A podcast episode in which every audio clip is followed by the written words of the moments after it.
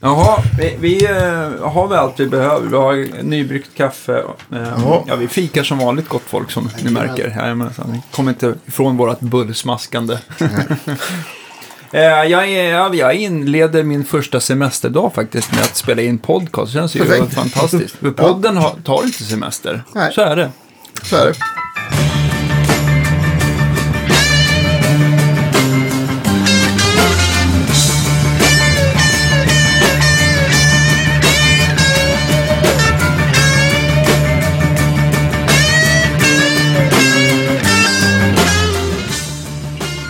Ja, så välkommen. Det här är alltså...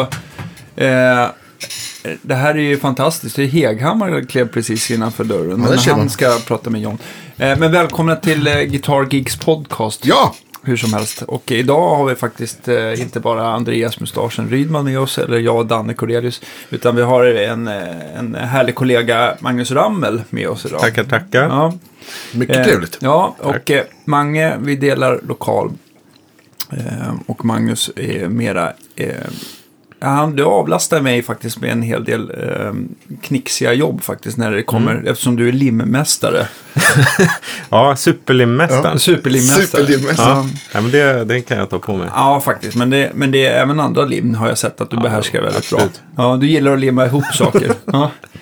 Ja, men det är kul. Limma stämskruvar och Ja. limma volympottar och Nej, men kommer inte på något Hur mer. ska vi beskriva det, din, din Magnus Ramel Inlay, eller Ramel Inlay kanske är mer korrekt. Det, och det är att du gör, du gör inlägg i greppbrädor, du gör logotyper och eh, även så har du nu blivit någon slags servicecenter för True Temperament. Så Ja, kan, man säga, kan man säga att du kommer göra i princip alla deras bandningar norr om polcirkeln, eller men i Sverige i alla fall. Ja, eh, det vet jag inte riktigt om det bara är jag. Jag tror faktiskt att eh, Leif uppe på Guitarworks, ja. Guitarworks där i Umeå. Umeå kommer köra lite också. Mm.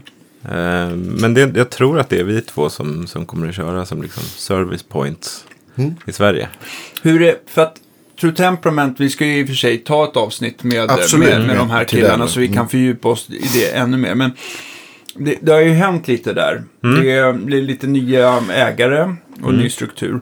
Och det har inneburit, inneburit att, ehm, att det också kommit en ny typ av ehm, bandstav. Så, vad, är, vad är skillnaden egentligen från Så den gamla typen av Från de, de förra banden, de var ju gjorda, de såg ut precis som vanliga, vanliga band egentligen. Alltså att de var, eh, hade en, en tang, alltså en, Mm. hade den här svampformen liksom om man kollar på den i profil. Mm.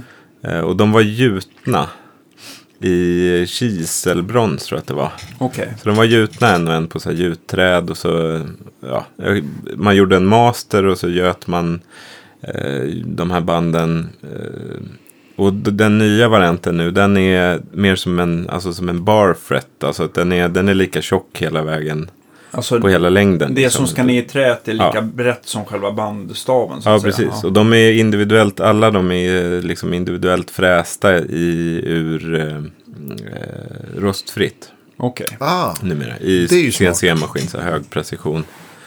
Eh, Så från att ha gjutit som har lite så här, eh, alltså det finns ju lite krympning och sånt där i materialet som man kan inte riktigt förutse resultatet. Även om det kan bli ganska precis så. Nu med, när de är liksom frästa ur ett block med, med rostfritt så är det ju precisionen jättehög liksom. Mm. Och det gör även att bandningen blir väldigt mycket enklare. Det har ju varit lite så flaskhals med, med det förut. att det har tagit för lång tid med själva. Ja, det har krävts väldigt mycket. eh, Det har ju krävts väldigt mycket jobb för att banda en hals eller för att, för att kröna banden. Liksom. När, man Just har, det. när man har planat av en greppbräda så måste man ju kröna av den liksom, och få till den här rundade formen på banden igen. Mm. Och det har väl varit lite flaskhals för att annars, vanliga fall så kör man ju det med en, en vanlig rak fil. Bara för att bandet är rakt så blir det enklare liksom. Mm. Men eh, med det här nu så ska man försöka komma undan så mycket som möjligt att liksom. Ja, Liksom så lite efterarbete Ja, som precis. möjligt att det ska bli. Ja. Ja, är- jag, jag, jag har ju sett det arbeta med. Jag tycker att det ser mycket lovande ut. Ja, Tyvärr har jag ju sett massa halsar som du har gjort, men jag har aldrig fått provspela en Nej. gitarr. Men eh, Jag har den inne nu eh, som en kund men det är ju gamla banden. okej, okej. Nej, men jag, ja, gamla banden har jag provat. Och Mm. det, jag tycker också att det har varit lite så här ojämnt. Ibland så har det varit, blivit kanonbra. Ibland så känns det som att de har liksom släppt. Eller att det, jag kan tänka mig att de här nya Mm. bandtyperna, att de, de håller sig på plats på ett annat sätt. Liksom. Ja, men det tror jag nog Mm. att de ska göra. Det, det är ju fortfarande ganska tidigt. Eh, men det, det känns riktigt bra tycker jag. Om man tänker sig tidsmässigt att banda med de gamla banden och, och de nya, hur, hur mycket Ja, där fick vinst har man? Alltså den, de gamla banden. Säg att man gör en vanlig, alltså en vanlig ombandning på en gitarr. Jag vet inte hur, vad skulle du säga att det tar liksom, Danne? Åh, det, det beror på lite grann. Men vi säger att det är så enkelt som möjligt. Eh, Bland stratta. Nej, det är inte så enkelt som möjligt. Säg, jag har ingen Nej, koll. nej, nej, nej, men varför lönstrattan är d- dum att banda om, det beror ju på eh, exakt. Det kan ju bero på om den har varit ombandad innan så är det Okej. kanske lite lättare. Men, men vanligtvis så på en, en modern Fender, där, där smackar man i banden och sen lackar man. Okej. Ja, och det innebär att när, om du ska bara dra ut banden med en sån här bandtång, att du värmer upp dem och drar ut dem, då eh, blir det ju så att eh, lacken spricker upp va? och det är inte så snyggt. Nej. Så att då är, får man ju ta en, en, en skalpell och skära vid sidan av banden hela tiden. Jättebökigt låter det. Ja, Men det, en Rosewood-hals då? är det ja jag tycker nog Rosewood eh, i min mening är, är enklare än Ebenholts och eh, för att jag tycker att det, eh, det flisar upp lite mindre. Okej. Sen så kan det ju flisa där också om man, om man är, inte är försiktig. Utan man vill ju att läm, du, limmet ska börja bubbla upp lite grann. Så att det liksom, att det, då är det lättare att lyfta ur det helt enkelt. Sen får man få vara försiktig ändå. Det krävs lite övning för att få. Men säg att det tar, vad kan det ta? Fem timmar, fyra, fem timmar och banda om Ja, liksom. från, från, ja, om man inte liksom så här. eh, Jag ska inte säga att man stressar, men säger man effektiv tid, ja, tre, fyra kanske. Ja. För de- när, det är som, när det är som enklast. Så kan det ju finnas sådana här, hade en gitarr här förra veckan som var eh, så här Silvertone, Espanada. Man tror att det är Ebenholts för ett otränat öga, men det är ju så här något torrt fruktträd. Ah, Som är betsat svart. betsat. Och du vet, det är så... Poröst. Ja, vi behöver inte prata om det. Men det kan, det, Jag- jag- det, jag kan såg säga att det, det, det, är dubbel, det är dubbla tiden ungefär. Okej. Ja. Sen tycker jag Fender oftast är lite lättare. Men där kan man, eftersom jag gillar att pressa banden, att det, man kan ta av halsen och pressa hela vägen. Just det. Ganska lätt. Medan eh, en Gibson, eh, jag har en sån tångpress kan man säga. Så att man, man, jag brukar knacka ner sista biten då. När, Mm. när det. Men det går bra det med. Men hur, hur skiljer sig själva mon- monteringsarbetet? Jag, jag, du förklarar ju lite innan, men jag tror inte jag förstod det riktigt. Nej, alltså, de gamla och de nya banden. De gamla banden, det är mer som, det är mer som traditionella man- band. man liksom. knackar man ner dem. knackar ner dem eller så pressar man ner dem. Men med tanke på att de är kurvade liksom så Mm. kräver de, en- de har lite större yta. Så du behöver en specialgjord sån här pressko och lite sånt där. Men du kan pressa eller hamra precis som vanligt liksom. Eh, så själva bandningen tar inte särskilt lång tid. Eh, för de gamla banden. Nu med, med de här nya banden går det ju ännu fortare. För här, här är det ju spåren precis frästa efter bandet. Och det är ju bara att trycka ner dem egentligen. Och i bästa av alla världar så kan man bara trycka ner dem med handkraft egentligen. Men, men går det liksom, måste man, hur, måste man, f- fräser man halsarna på, alltså på samma sätt där banden ska ner? Eller har det ändrats någonting? Eller? Nej, alltså det är ju, det är ju samma, samma fräsfiler egentligen. Ja. Alltså att man, man fräser dem precis som Så det är vanligt. bara sj- sj- själva, Ja. Fast det är, lite Det bre- det är ju bredare spår då, för att hela bandet ska ju ner. Liksom. ja just det. Och sen så, um, ja, men sen så trycker man ner dem där. Och så ser man till att de är helt jämna över hela halsen. Och det gör man genom att fräsa en extra liten dutt på kanterna. Liksom, där de banden vilar på. Liksom. Ja okej. Och sen så limmar man de här med, eh, vi testade från början med, med superlim. Eh, men det, är lite för, det blir lite för, eh, ska man säga, glasigt eller... Ja. Det, blir lite, det blir nästan, jag kan tänka mig att det kanske liksom. bygger lite på ett annat sätt. Ett, Ja. ett lim som torkar lite långsammare, där kanske det lägger sig, Ja. alltså fyller ut på ett annat Ja, sätt. men precis. Vi bör, jag börjar köra med epoxy. Okej. Så kör varje band duttar i när duttar med epoxy och så trycker man i bandet och så, så sitter de där.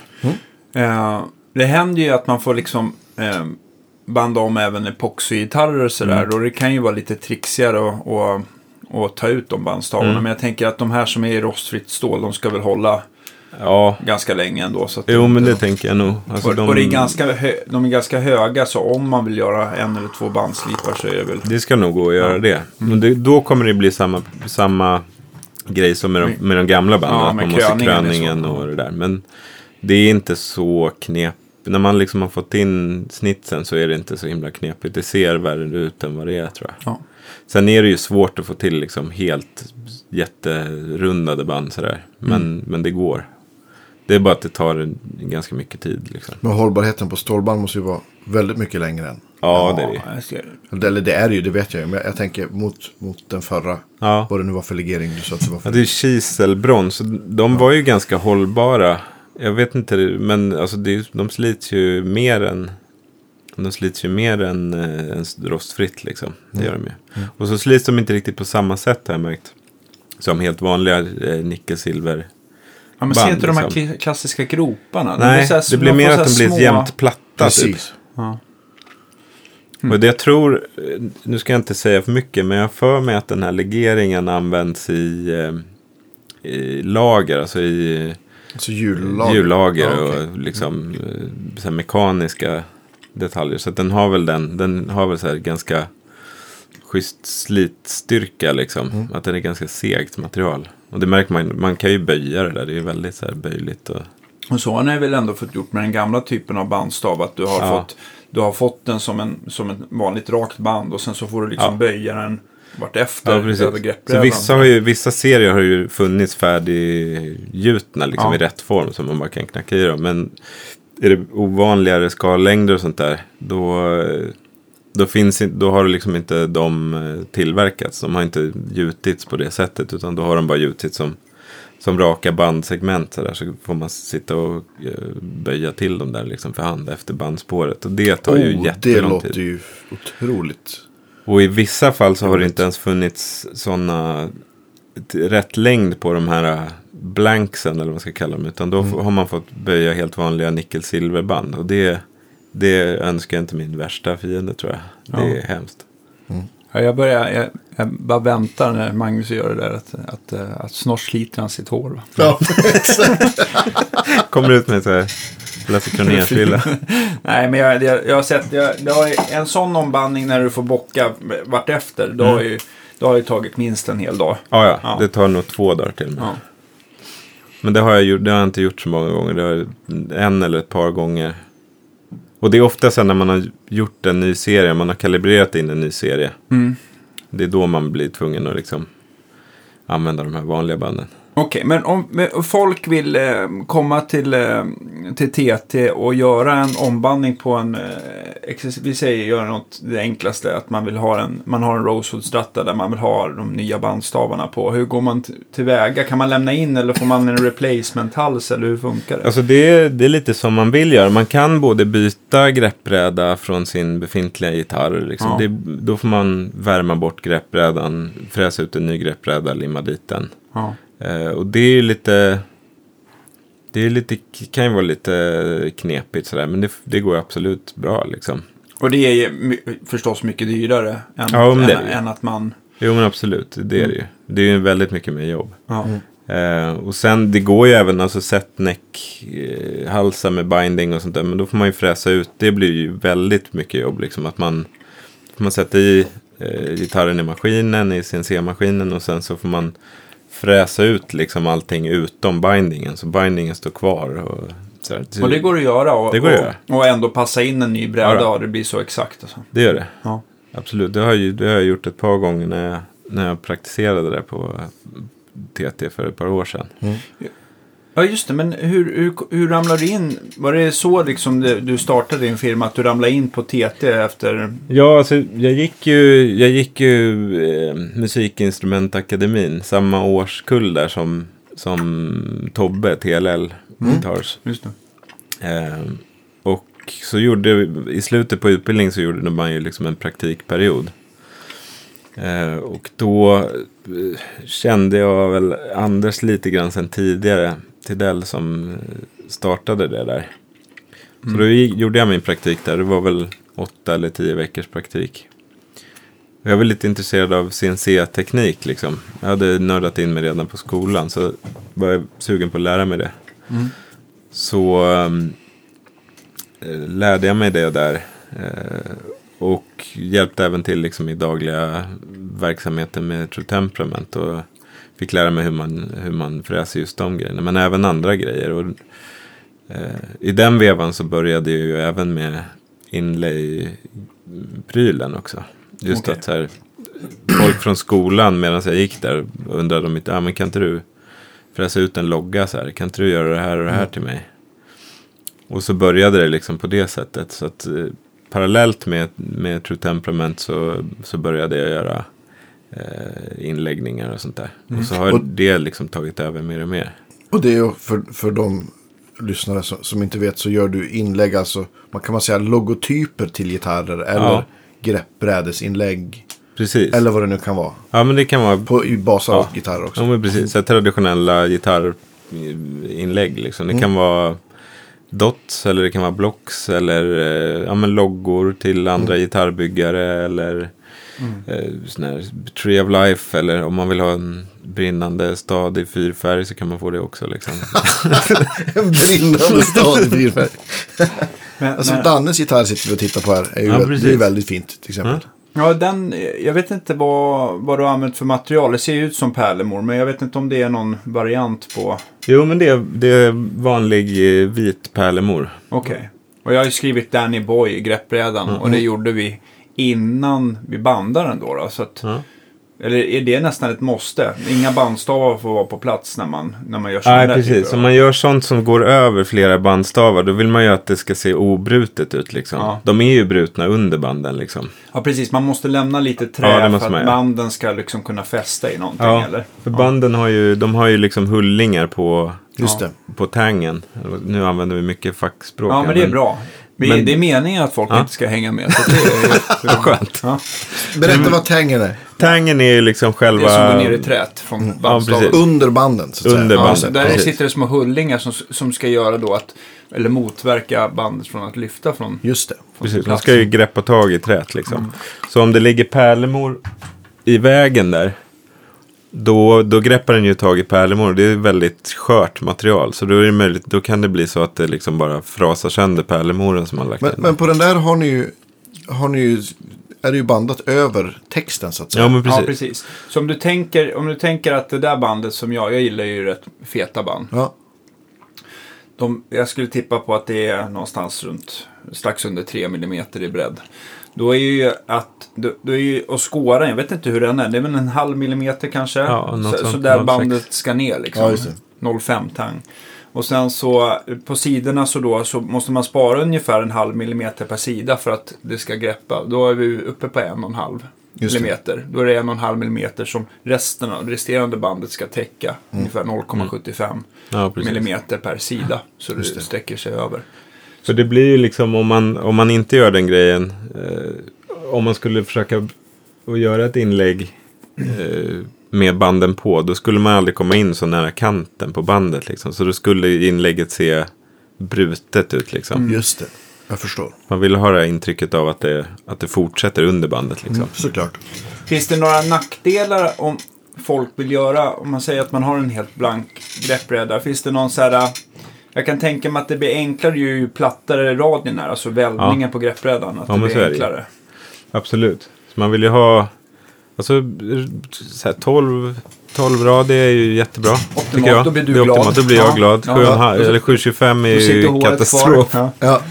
Nej, men 725, jag kan tänka mig för de här, nu vet jag inte hur det är på min gitarr, men jag kan tänka mig att de här, um, det här vita pärlemolet inte är, det är inte så tjocka ark va? Nej, precis. De är ungefär 1,5 millimeter. Så om du har, om du har en 725 radie och vill lägga blocks till exempel. Som är över en stor yta. Alltså Mm. Ja. en stor del av den här radien. Då kan det bli problem. Ja, att man slipar igenom på, Ja, ut i kanterna. Ja. Så på 725 så skulle jag säga att det är ganska stor risk att man. Att om man ska ha något som täcker över hela. Säg att du skulle ha blocks på en. På en eh, gitarr med 725 radie på. Då, då blir det ju lite Då knepigt. blir man utskälld. Då blir man enkelt. utskälld. Ja. Det går att fixa. Det, det går att få fram ämnen som är tjockare. Så det går ju att ordna liksom. Men då, då undrar jag, du, du har ju någon typ av heter det CNC-fräs. Precis. Jag tänkte också att vi skulle ta och filma lite så kan Ja. du få förklara sen. Kan vi lägga ut det så, så blir det lite mer, mindre abstrakt för Ja, folk vad, du, vad du gör och hur det ser ut. Och. Men, men om du då får ett sånt här jobb som, vi tar Dannes gitarr som exempel då. Mm. Vad är liksom steg ett innan du börjar liksom knacka kod höll jag på att säga, Ja. eller programmera liksom. Hur, hur, hur ser förfarandet ut för ett, ett, sånt, ett typ sånt ingrepp? Alltså steg ett är väl egentligen, alltså det är ju designprocessen liksom. Ja. Att, eh, då skickar kunden en bild, det är oftast en vanlig bildfil eller Mm. sådär. Det kan vara precis vad som helst. Ja, det Som kan en verkligen vara precis Ja. vad som helst. Det kan vara precis vad som helst. Man, Och- det, man kan ta, alltså, nu ofta så blir det väldigt fint i slutändan ändå, men ibland så är det ju så att man, man, man sätter en, ett, en, en, hela handflatan över ansiktet och blundar. Ja. Eh, men, eh, men eh, ja. Ja, nej men så kan det vara. Men i, i, i det här fallet som jag gjorde, då bad jag en god vän Per Torssell från Switchblade att, att jag ville ha liksom en, en retro, eh, vad kallar man, typsnitt. Ja, Ja. det ser nästan ut som att det skulle kunna vara din liksom din signatur eller något. Ja, men jag skriver inte alls så. Jag är mycket med kråk, kråken när jag gör. Jag kan inte göra två likadana autografer tror jag. Nej, Inte jag heller. Nej, inte jag heller. Eh, Jag kan visa mitt nya körkort för er sen. Ni skrattar ihjäl er. Ja, Ja, nog om det. okej. Vad heter det? Nej, men, så, så jag fick den och frågade om man kunde göra. Och då fick jag den där filen. Sen så ska ju den, när du får den filen så ska den läsas, eller du ska ju rita in den i, i Precis. fräsprogrammet. Och det, vad ska man säga, att en sån här logga tar det tid för dig att lägga in. Just det, ja.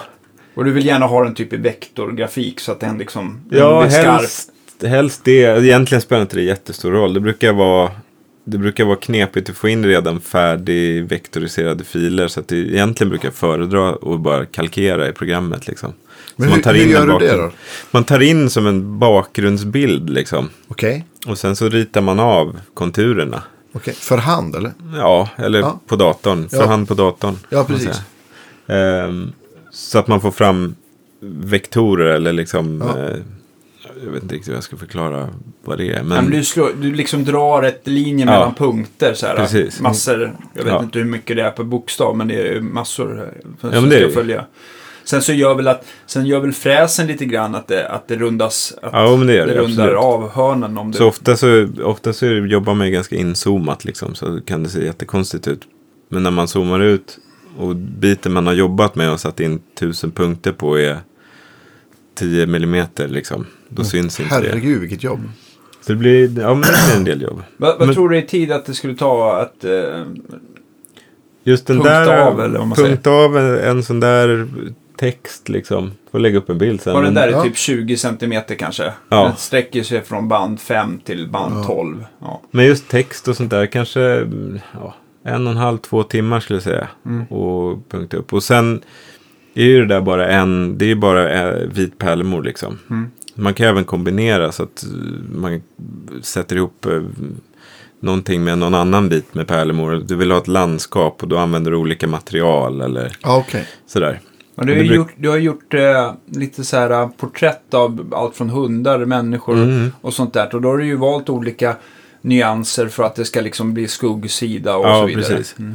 Så det, ja, men det är ju hela den designprocessen. Det är ju liksom egentligen att, att ta in en bild från kunden och sen tweaka den. Så, för jag vet ju liksom vad som funkar och vad som inte kommer funka i Och slutändan. vilka material också. som ja, gör, får vilket resultat. Så- Och om den har en stor radie så vet jag ju att jag kanske inte ska försöka använda så stora bitar för att slipa igenom. Så, och sådär. så att det man får göra är ju att, att tolka bilden så gott man kan och Ja. så rita upp en skiss och skicka tillbaka till kunden. Och så får man bolla fram och tillbaka ett par Mm. runder tills man liksom är överens om en, en design som funkar. Så det kan ju, det kan ju ta en stund liksom. Och sen eh, efter det när man har liksom ritat upp och har filen färdig då, då är det dags att börja liksom knacka kod, man ska säga. Ja. Vad heter, jag kommer ihåg du gjorde i, om det var i höstas eller tidigt i vintras, till Mattisson. Någon, Mm. något sånt jättejobb. Det vore kul att, har du, har du Jag tror jag har foton på, på, allt sånt? Jag har det på min, eh, min Instagram så tror jag att den kan Ja. ligga. Det vore kul att, Ja, kanske- lägga upp lite bilder i, Mm. i, i samband med det här avsnittet. Absolut. Så att då folk... Om folk är otåliga redan nu medan man lyssnar så kan man gå in på din Instagram och man söker bara Mr. Inlay va? Ja, Magnus Rammel Inlay Ja. på Instagram. Eller MR Inlay, mrinlay.com kan man gå in. Då, då ligger det bilder uppe där också. Ehm, men det är just eh, den här... eh, Just den här som jag gjorde till Mattisson där. Det var ju ganska tunna linjer liksom. Det är väl lite... Jag tror att det är den grejen som jag tycker är, just nu är roligast. Att liksom bygga upp motiv från, från enkla element. Liksom. Ja, just det. Men om man tittar så här, eh, finns det någon gräns för hur tunna sådana här eh, pärlemorsträck eller vad man nu vill använda för material? Ja, alltså dels så finns det ju det finns ju en begränsning i materialet. För eh, pärlemor är ju liksom, det är lite som skiffer kan man säga. Så det är uppbyggt i tunna, tunna, tunna lager liksom. Mm. Eh, så om du, gör, om du gör alldeles för tunna grejer då kommer det ju bli så att det faller isär av sig självt. Liksom. Det finns Okej. ingenting som håller ihop materialet i sig. Men du kan komma ner ganska tunt. Ska jag säga. Du kan komma ner till noll. Rekordet för mig tror jag är 0,3 millimeter. Ja, det är inte mycket. Men under det så då börjar det liksom haverera av sig själv. Och gör man spetsiga grejer som är så tunna då, då går det sönder direkt. Liksom. Det går knappt. Eh, när det gäller loggor från till exempel, du har ju hjälpt eh, både eh, Tobbe här och men Mm. jag tänkte på Lars Rasmussen och eh, Åstrand. Mm. Eh, Sundberg. Sundberg Ja. hjälper du. Eh, hur, hur tunna loggor vill de ha? För de vill väl ändå någonstans att det ska se, det ska, ju se cleant också. ut. Men det måste ju synas Ja. någonstans liksom. Men eh, jag vet Lars och Ted, eh, Rasmussen och Åstrand, deras loggor är väl strax över 0, eller runt 0,5 mm tjocka linjer liksom i, i loggorna. Sen är loggorna 17-18 millimeter Ja, de, är ganska, höga. Liksom. de är ganska De är rätt små ändå. små liksom. Men för, det är ju det där med om man lägger pärlemoren mot en mörk bakgrund så det poppar ju även om det är liksom med tunna linjer så. Just det. Det gör det ju. Sundbergs är lite tjockare men det är ju också en... eh, Ett efternamn. Jag tror Ja, att precis. Och det är mer den Lars, stilen, liksom. Lars han kör över sina initialer va. Medan Ja. Åstrand han har väl bara själva ået. Ja, eller? Mm. precis. Och Sundberg, där står, det ju, där står det ju Sundberg och så är det det typsnittet liksom. Lite mer så här, vad, ska, vad man ska säga, så här 60-tals uh, handstil. ligger Ja, är skit. Eller alla de där tre loggorna tycker jag Ja, är är jättesnygga. faktiskt. Ehm, Har du, händer det att du skickar liksom, eller att det kommer saker utanför Sveriges gränser också hit? Ja, alltså det har börjat mer och mer. Ja, Ehm, det är en del byggare ute i, ute i Europa som, har, eh, eh, som beställer loggor och sådär. Ehm, eh, en kille i Nordirland som heter Donald McCreevy, eh, duktig byggare. Mm. Som beställer mycket loggor. Och, eh, några stycken i, Spanien. En kille som heter Luis Guerrero. Eh, det är en del liksom mindre byggare ute i Europa som, har, som beställer och sådär. Sen blir det ganska mycket så här one-off-prylar också. Att det är en, om det är någon som vill ha någonting på en greppbräda, att de bara skickar en greppbräda. ja just det. Och så gör de sina egna loggor. ja, för, det. för visst är det så att du skickar ju aldrig bara själva loggan till slutkunden. Det Utan händer, du, du ju- men det är mer sällan. Alltså. Ja, Det jag tänkte att du bara du får ett faner, på, så huvudfaner till exempel. Och sen så... Alltså de allra flesta byggare har ju en stash med sina egna material och så har kunden valt ut en specifik eh, fanerbit liksom till, huvud, till huvudet liksom, där de vill ha loggan och så skickar de den specifika biten. Så. Men, men om man säger att man har eh, en gitarr, en, en akustisk gitarr säger vi, som inte har någon logga på huvudet och det skulle få plats ganska enkelt. Mm. Så måste det väl det vara mycket mer jobb för dig att, att fräsa in en sån jämfört med att du bara får själva huvudfaneret. Ja, absolut.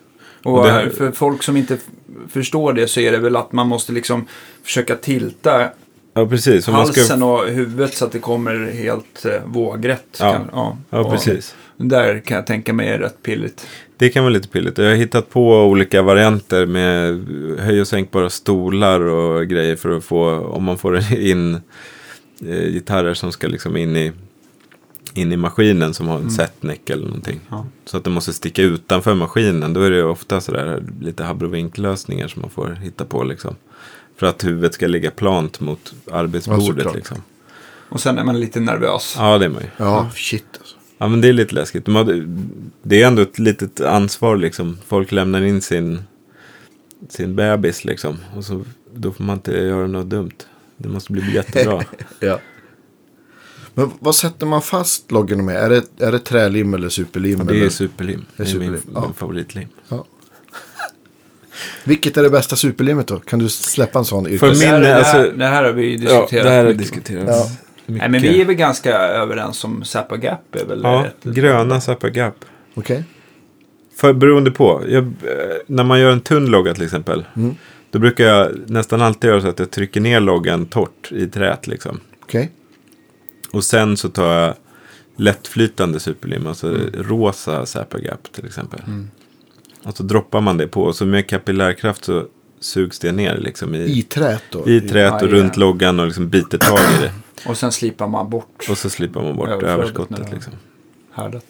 Och så kan man även droppa på lite, lite av den här mer trögflytande ovanpå det för att fylla igen, fylla igen om det är små hål liksom eller sådär i Just det. mellan trä och, och loggan liksom.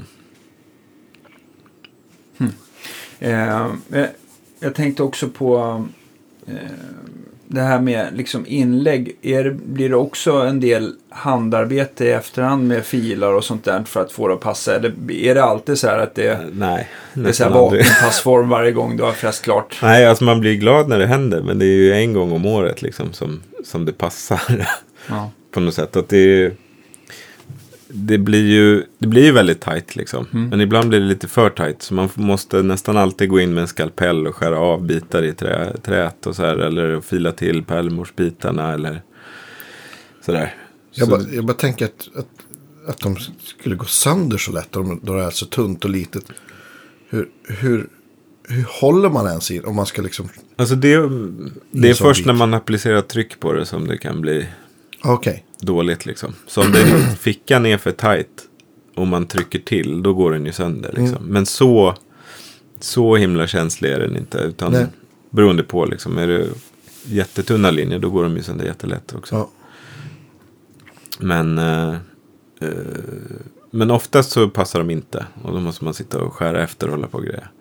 Sen är det ju även, viss, alltså i vissa fall så är det ju, går det ju fortare egentligen. Och blir kanske bättre av att såga ut det. Det är liksom den traditionella med lövsåg eller juvelerarsåg. Så du lödsåg? Lövsåg. Lövsåg. Lödsåg. Det här är spännande. Ett långt lödande band.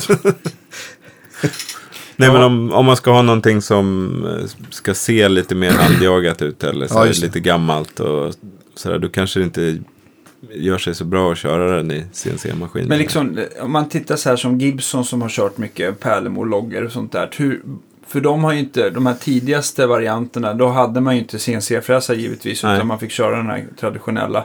Hur gjorde man för att det skulle se liksom skarpt ut? Kunde man skära så exakt? Eller Ja. var det, är, det- är det mer att man har en stor pärlemobit som man, som man försöker eh, lacka eller hur ska man säga, spara loggans text och lacka runt om för att det ska poppa ut åt det hållet. Ja, jag vet så inte hur jag kan ska förklara. Ja.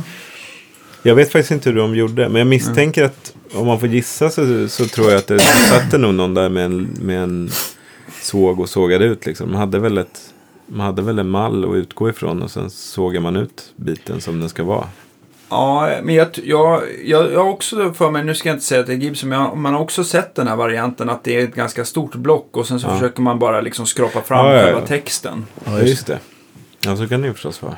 Att man liksom graverar, graverar bort Ja, det som inte ska vara där. Liksom. Ja. Täcker det med färg.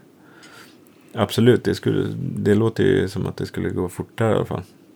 ja för det, det, de här stora fabrikerna har väl, det, där finns det väl en, en ekonom som säger att Ja, jobba fortare. Ja. Ja. Eh, Men, har- men kan, har du experimenterat mycket med den gamla tekniken också? Eller? Jo, men jag har försökt att hålla igång det liksom. För Ja. att det är en sak att hålla på med maskiner. Det finns massa olika möjligheter med det. Men eh, man måste ändå hålla igång det här med att såga ut, eh, såga ut för hand. Och framförallt att gravera. Alltså det finns ju en teknik, teknik där man, man har, eh, man har eh, gjort ett inlägg. Och så vill man ha det väldigt deta- detaljerat. Då, då kan man ju liksom skära små skåror eller gravera i materialet. Och sen fylla med, med färg. Liksom. Ungefär som du gjorde på din gitarr, Ja. att du skrev Ja, just det.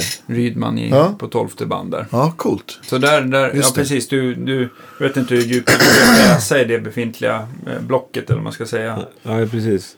Utan Eh, det är någon halv millimeter ner. Och Ja, så, vad använder man då för svart för att fylla ut det där med? Alltså det är, ett, eh, det är ett svart vax. Som liksom ska sätta sig ganska hårt. Ja. I de här. Så man gnuggar det här vaxet över, då fastnar det i skårorna liksom. Mm. Men graveringen tycker jag har jag haft, det får jag liksom inte till med maskinen. Speciellt inte om man, alltså det kan vara om man ska ha många raka linjer. Eller om man ska, Ja. Då funkar det jättebra med maskinen. Men om man ska ha någonting som är lite mer levande. Liksom, om man skulle göra någons ansikte. Eller om man ska gravera en detaljer på liksom fjädrar på en fågel. Eller något sånt där. Då Mm. är den lite, den det blir liksom inte så snyggt. Det blir ganska platt på något sätt. Och maskinellt om man gör det med maskinen. Så då brukar jag ja, nästan alltid gravera för hand med liksom eh, små Det gravyrsticklar. låter ju och... lite grann som att det är besläktat med tatuering på något Ja, vis. jo men lite så är det ju. Och det har faktiskt kommit in en det, del sådana... du, det brukar du växla till nattetid. Ja, precis. Nej, men, Skylta om eh, det. men eh, Tattoo jag har gjort en del geeks. så här Ja. cover-ups, cover-up eh, tatueringsinlays faktiskt. Ja, det var det. Okej. Det var någon som hade ett, eh, ett namn på en, på en gitarr. Tillhörande någon gammal, något ex tror jag. Okej. Som tatuerade, över den liksom. ja. Eh, och nu senast var det någon som hade en, en färdig greppbräda med dots. Som jag tog bort dotten och satte in en fjäril istället. Liksom. ja.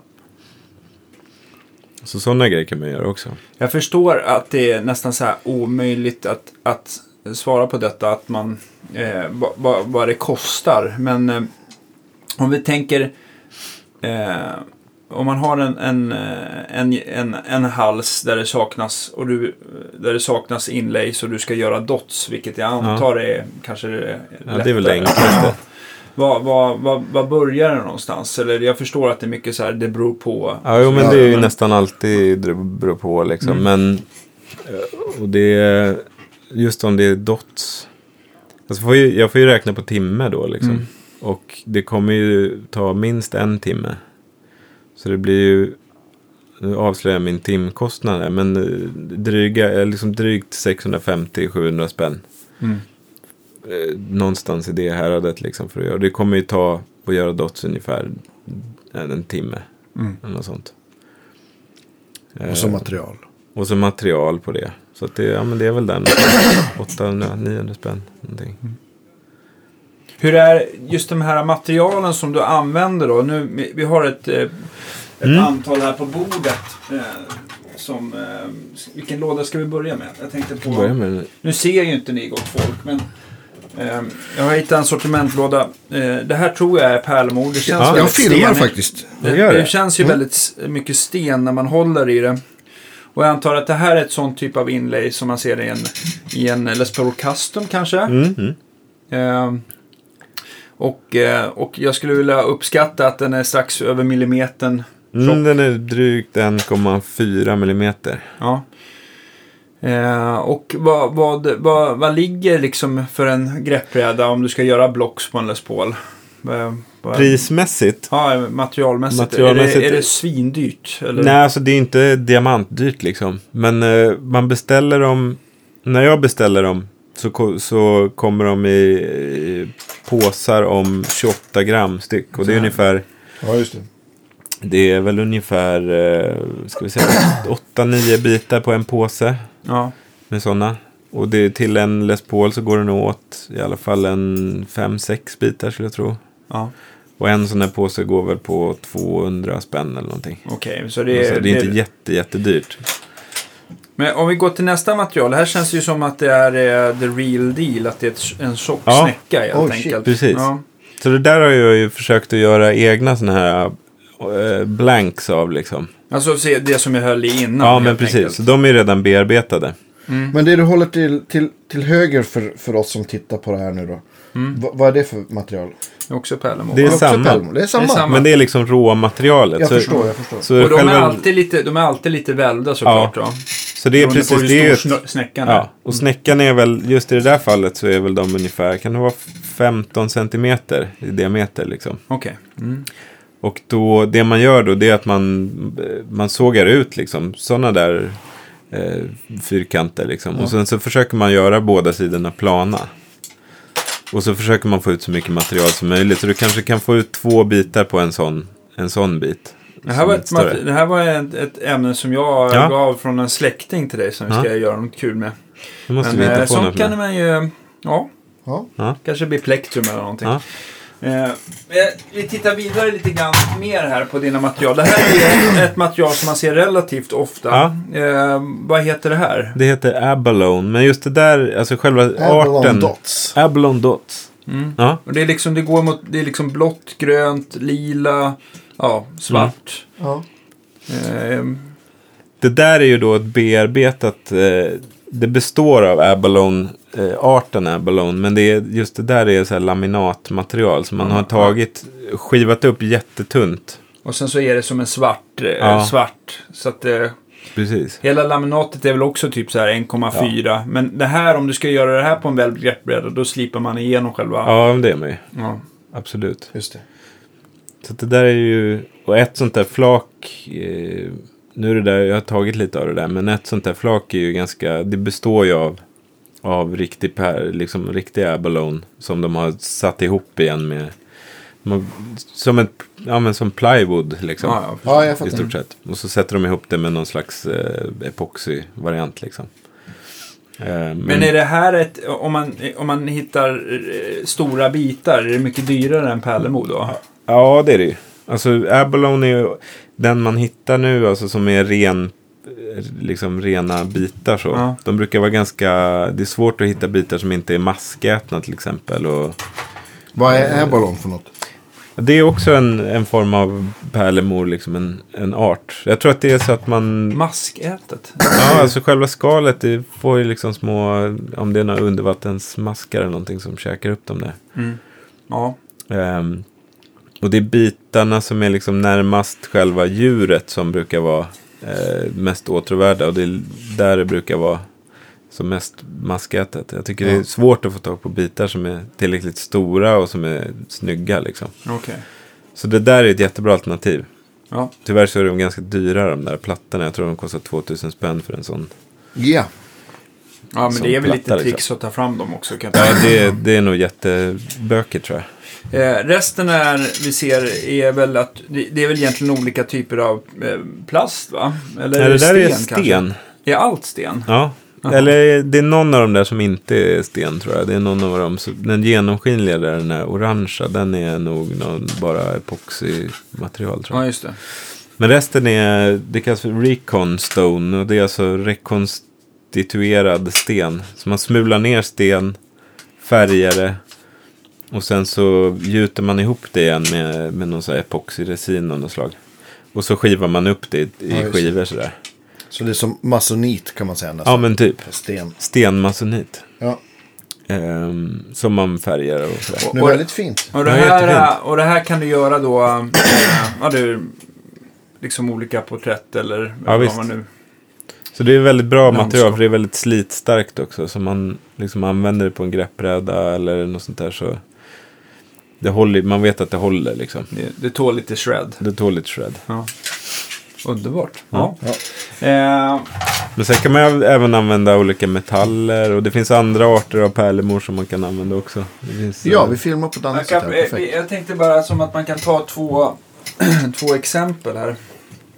här. Så här var det ju som min Danny Boy blev då. Och det är väl den här vita pärlemoren.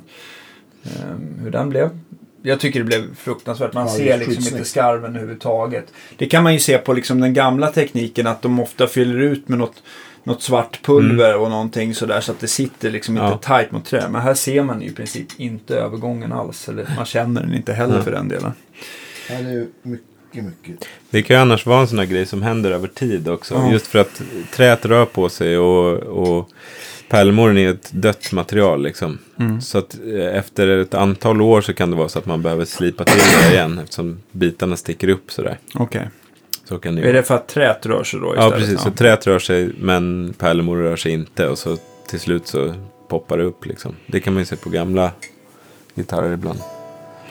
Eh, det här är ju det andra exemplet då på en TLL-logga där du har använt det här vaxet och Mm. fräst ner då helt enkelt. Just det där är något, eh, det där är något så här plastmaterial som jag hittat som ska likna Elfenben. elfenben. Mm. Ja, coolt.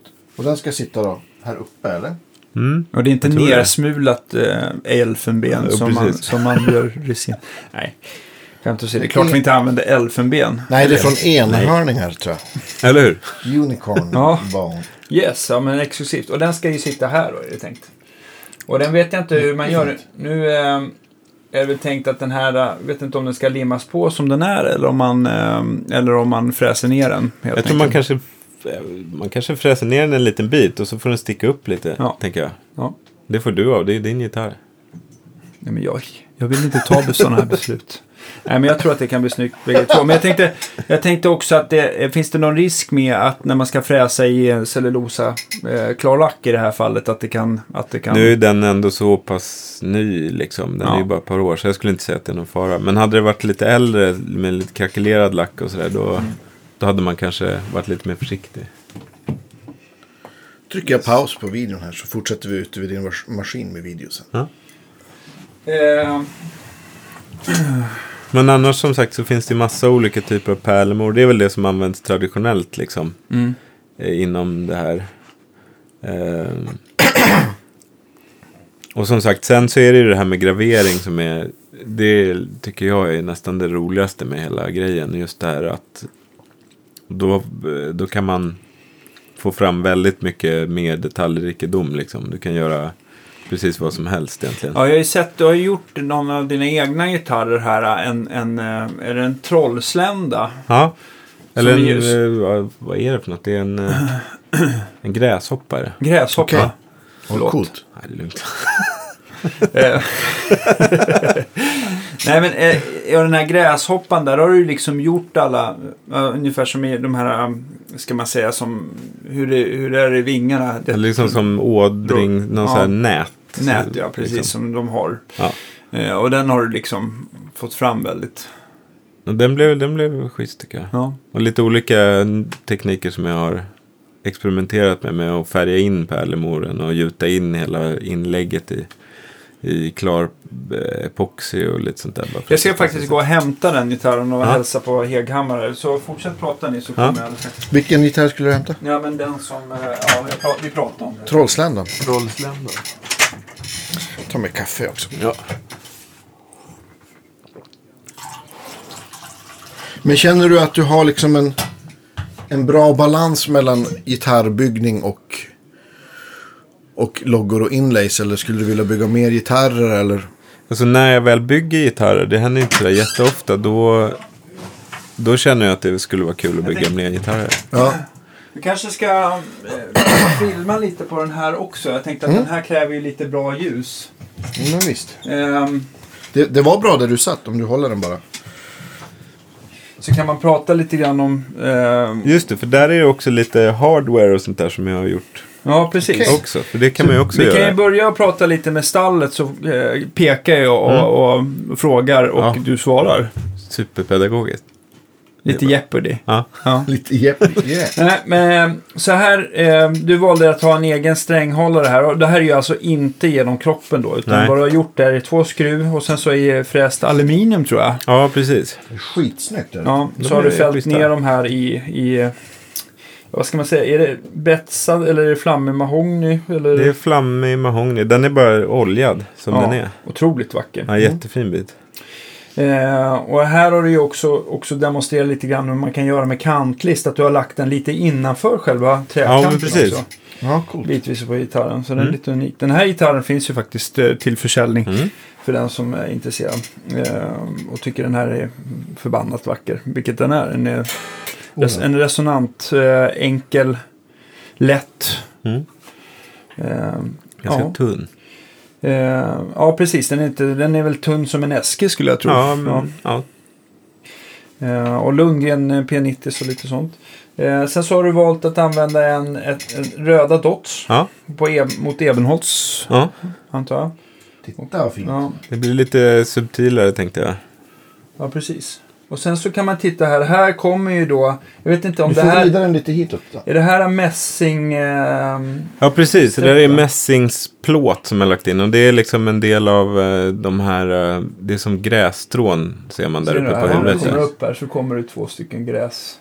Så Åh, där kan man vad se vad fint. man kan göra. Och gräs, själva de här axeln, de är väl gjorda av, det är sån här eh, guld, gold lip heter det, guldpärlemor. Ja. Eh, Orkar du vi- vinkla en eh, strålkastare till huvudet till? Det här ser man ju då själva, själva Kronjuvelen. kronjuvelen. Eh, eh, gräs. Får du en bra bild här Andreas på eh, själva gräshoppan med Det är alla. jättebra bild nu. Ja. Och det där är liksom det är, det är gravering och inlägg på högsta nivå kan man väl säga. En sån här, hur, hur lång tid tar en sån där? den tog jättelång tid att göra. Ja, det kan jag tänka Jag vågar inte ens svara på det, men det var ju Ja, massa... två timmar tror jag du höll Ja, på. två, typ två och en halv kanske. Gång, upphöjt Gånger, ja, för, för, Några dagar. Ja. Ja. Nej, men det var en del experimenterande. Jag ville liksom, jag hade en idé om den här tekniken med att färga in och hålla på. Det tog säkert två, tre veckor eller någonting. Mm. Mycket tjusig. Den, är, den var rolig. Lite annan, annan, än, annan teknik än Fenders vattendekal. Ja. ja. Eh, kul, ja, vi ska gå ut och kolla lite grann här på hur fräsande ser Ja, ut men här. precis. Eh, Jag är men, mycket eh, nyfiken. men jag tänkte också på... Jag tänkte också på... eh, Du får väl liksom inte bara in själva instrument utan det kan vara allt möjligt. Vissa museum hör av sig till dig. Ja, men det har varit en del så här ganska kul eh, sidogrejer som inte alls har haft med gitarrer att göra. Som sagt, det var Mycket vandringsstavar. mycket vandringsstavar. Det är, eh, ja, det är lite allt möjligt. Alltså, jag gjorde något s- handtag till något ceremoniellt svärd åt eh, eh, Någon bödel i. någon bödel i breven. Nej, det var typ... Eh, Tempelriddarna, eller vad heter de? Nej. eller hur? Vad heter de på? Frimurare. Frimurarna, kanske? Eller? Ja, Ja, det absolut. Nej, men det var... Eh, vad hette de då? Eh, Husgerådskammaren. De har hand om slottets prylar liksom. Och då Okej. var det någon konstig ceremoniell värja som hade tappat ett handtag. Och... Ja. Så Nej. den, om ni ser den så är den Då- inte original. Nej, precis. Den är inte vintage correct.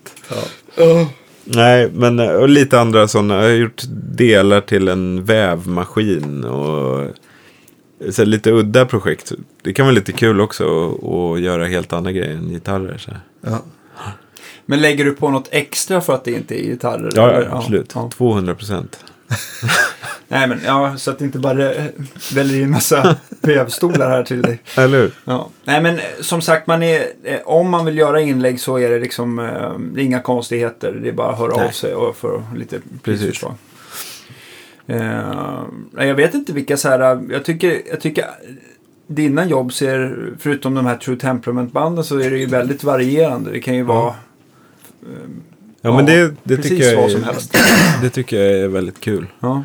Det är just till, till den, den frågan som du ställde förut, det här med att eh, Bygga gitarrer. bygga gitarrer och sådär. Att jag tror att jag har nog hittat min nisch lite grann med inläggen. Just för att eh, en gitarr tar ju, man måste hålla fokus över, ja, vad det nu kan ta, 90-100 timmar att bygga en gitarr. Ja, Liksom. visst. jag brukar alltid bli sådär i slutet på bygget.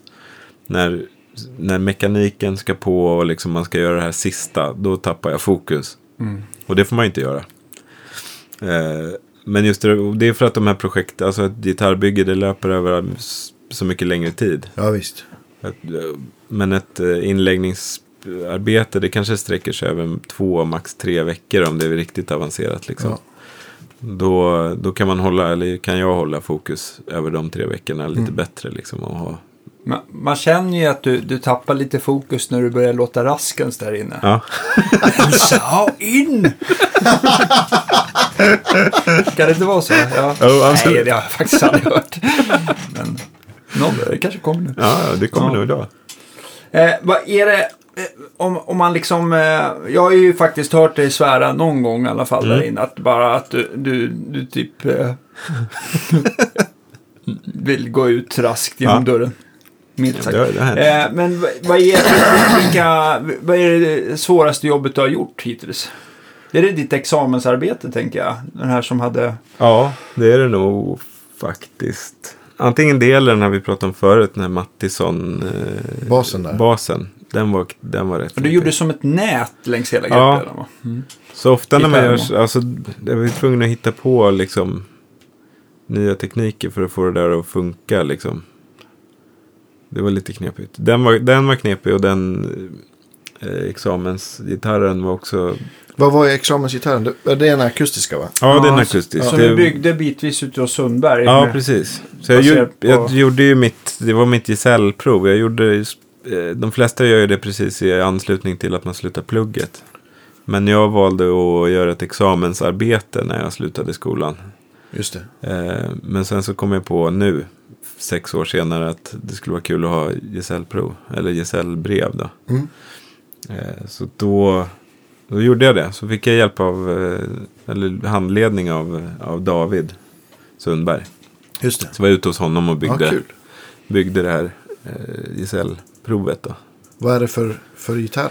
Alltså det, är en, det är en akustisk eh, med lite spexiga inlägg. Mm. Eh, Mahogny-gitarr med granlock i eh, Gibson LG-storlek. Liksom. Mm.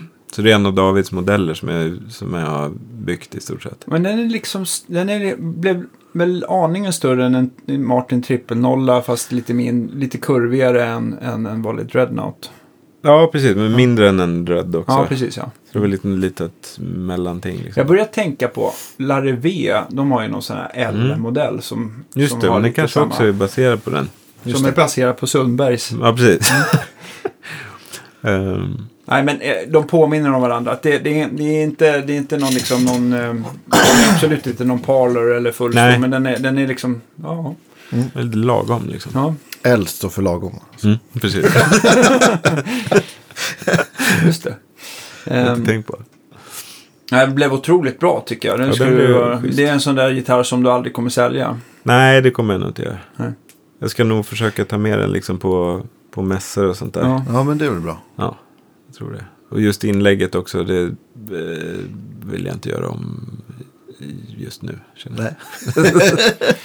Ja, eh, jag, jag vågar inte ens fråga vad det inlägget kunde kosta. Men, men, men om ni ser det på, på Instagram, din Instagram-sida, så kan man väl ändå se som att du har tagit konturerna av ett snäckskal och lagt in. Ja, men ställt precis. in liksom bara fortsätter upp över hela greppbrädan. Ja, Tunna på linjer liksom. princip, ja. Upp på huvudet också. Ja. Coolt. Och det var väl så här 0,6 millimeters liksom. Jaha, så det var inte så fint ändå. Nej, tyvärr alltså. Det ska vara 0,3. Herregud. Ja, förlåt. Nej.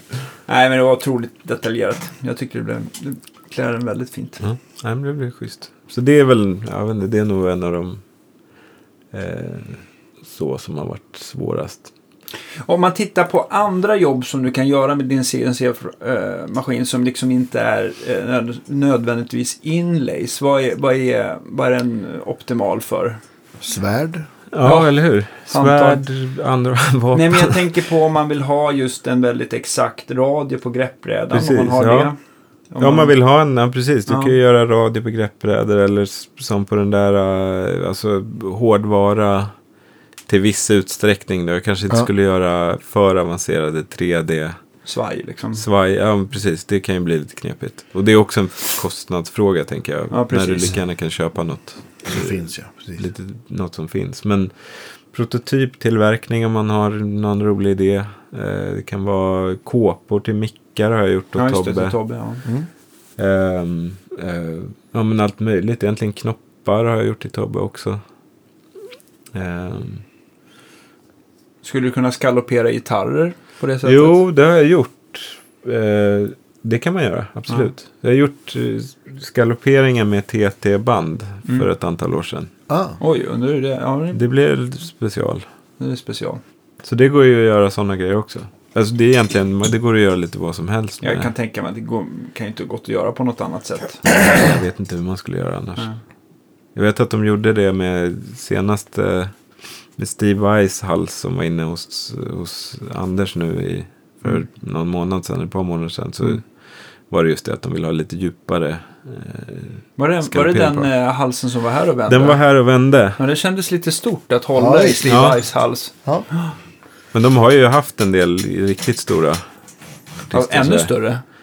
Alltså ja, nej, men i det häradet. Nej, men Steve Vai är väl en av de största får man väl säga. Ja. Ja. Gitarrhjältarna. Ja, Men han har väl kanske skalopperat uppe på de, det är väl typ de sista banden. sista banden. Sådär. Ja, precis. Men det var skalopperat hela vägen, bara att det var väldigt, okej. väldigt lite. Ah, Så det var så här 0, jag vet inte vad, 0,3 millimeter det skulle han ju aldrig erkänna. Nej, det tror jag inte. Det kanske är världens hemlighet. Vi... Ja. Det var världens. Ja, det var... Steve Vai. Alla som pratar svenska förstår svenska Ja, vet det i alla fall nu. kommer en Med så här väldigt svag så han, han kan inte spela fullt lika snabbt som en viss annan. Nej. Det sitter i skalopperingen, det är ju det. Ja, oh ja, oh ja. Är det drömgäst på eh, Guitar Geeks podcast vi pratar om? Eller? Ja, jag skulle ha Yngve som, eh, eller Steve Vai också givetvis Absolut. som, som gäst. Men Yngve blir ju större just för att han är Yngve och för att ja, han var ju här förra sommaren och Vi har spelade. ju haft en, alla vi har ju haft en Yngve-period ja, kanske Och jag, Crush. ja, han är liksom, Ja, han, crush. de svarade ju inte ens överhuvudtaget hans management som jag tror är hans fru. Mm. Det har ju liksom, Brad Paisley, det tog inte ens en dag så hade jag liksom nått fram till turnéledare som sa att äh, tyvärr är vi i Sverige bara tre dagar och så sen åker vi tillbaka till USA. Så det finns ingen tid den här gången men återkom en annan gång. Ja. Men Yngve, jag vet inte, jag tror jag skickade fem mail. Det kom inte ens ett svar. Nej, Så jag tror att hon har någon typ av aversion mot alla svenskar. okej. Som inte är han, hans Okej. fru. Ja, fast, Vi, fast vi inte känner honom alls. Nej, vi känner inte honom alls överhuvudtaget. Nej, men jag tror bara att det är, ja, jag vet inte. Ja, men det skulle ju vara extrem ära. Sen Mm. vet jag inte om man kan, det ska, om det blir tillfälle att få en sån eh, Ja. typ av drömgäst, så skulle man ju liksom vilja finslipa lite frågor innan på ett, på ett härligt sätt. För att jag, jag tycker också att många av Yngves intervjuer så är det liksom, fram, framkommer i princip saker som man redan vet. Ja. Det är inte så, han kanske kan prata lite om nya skivan givetvis, men det, sen är det ju liksom Exakt, same same, same, liksom. lite same same. Va? Det skulle verkligen vara kul att liksom, ja, om det är på G givetvis, då kanske vi vill lägger ut ett, en liten fråga, be, be folk komma med lite förslag Ja. på frågor. Vi ger inte upp. Nej, vi ger inte upp, men, ehm, men det ser ju inte ljust ut. Inte just nu i alla fall. Men skam den som ger sig. sig. Ja, Ja. det- Ska vi inte gå ut och kolla på din, eh, din Jo. fräsiga maskin? Nu har vi pratat så Absolut, mycket om det. absolut. Ja, Så vi trycker paus här och så sen kommer det, får ni helt enkelt titta på, på YouTube för fortsättningen och genomgång av maskin. Helt ja, enkelt. eller hur. Mm. Det blir jättebra. Så, så tackar vi här så länge helt enkelt. Ja, stort Ja. tack för idag. Tack, tack. Vi hörs nästa vecka. Ja. Hej! Hej.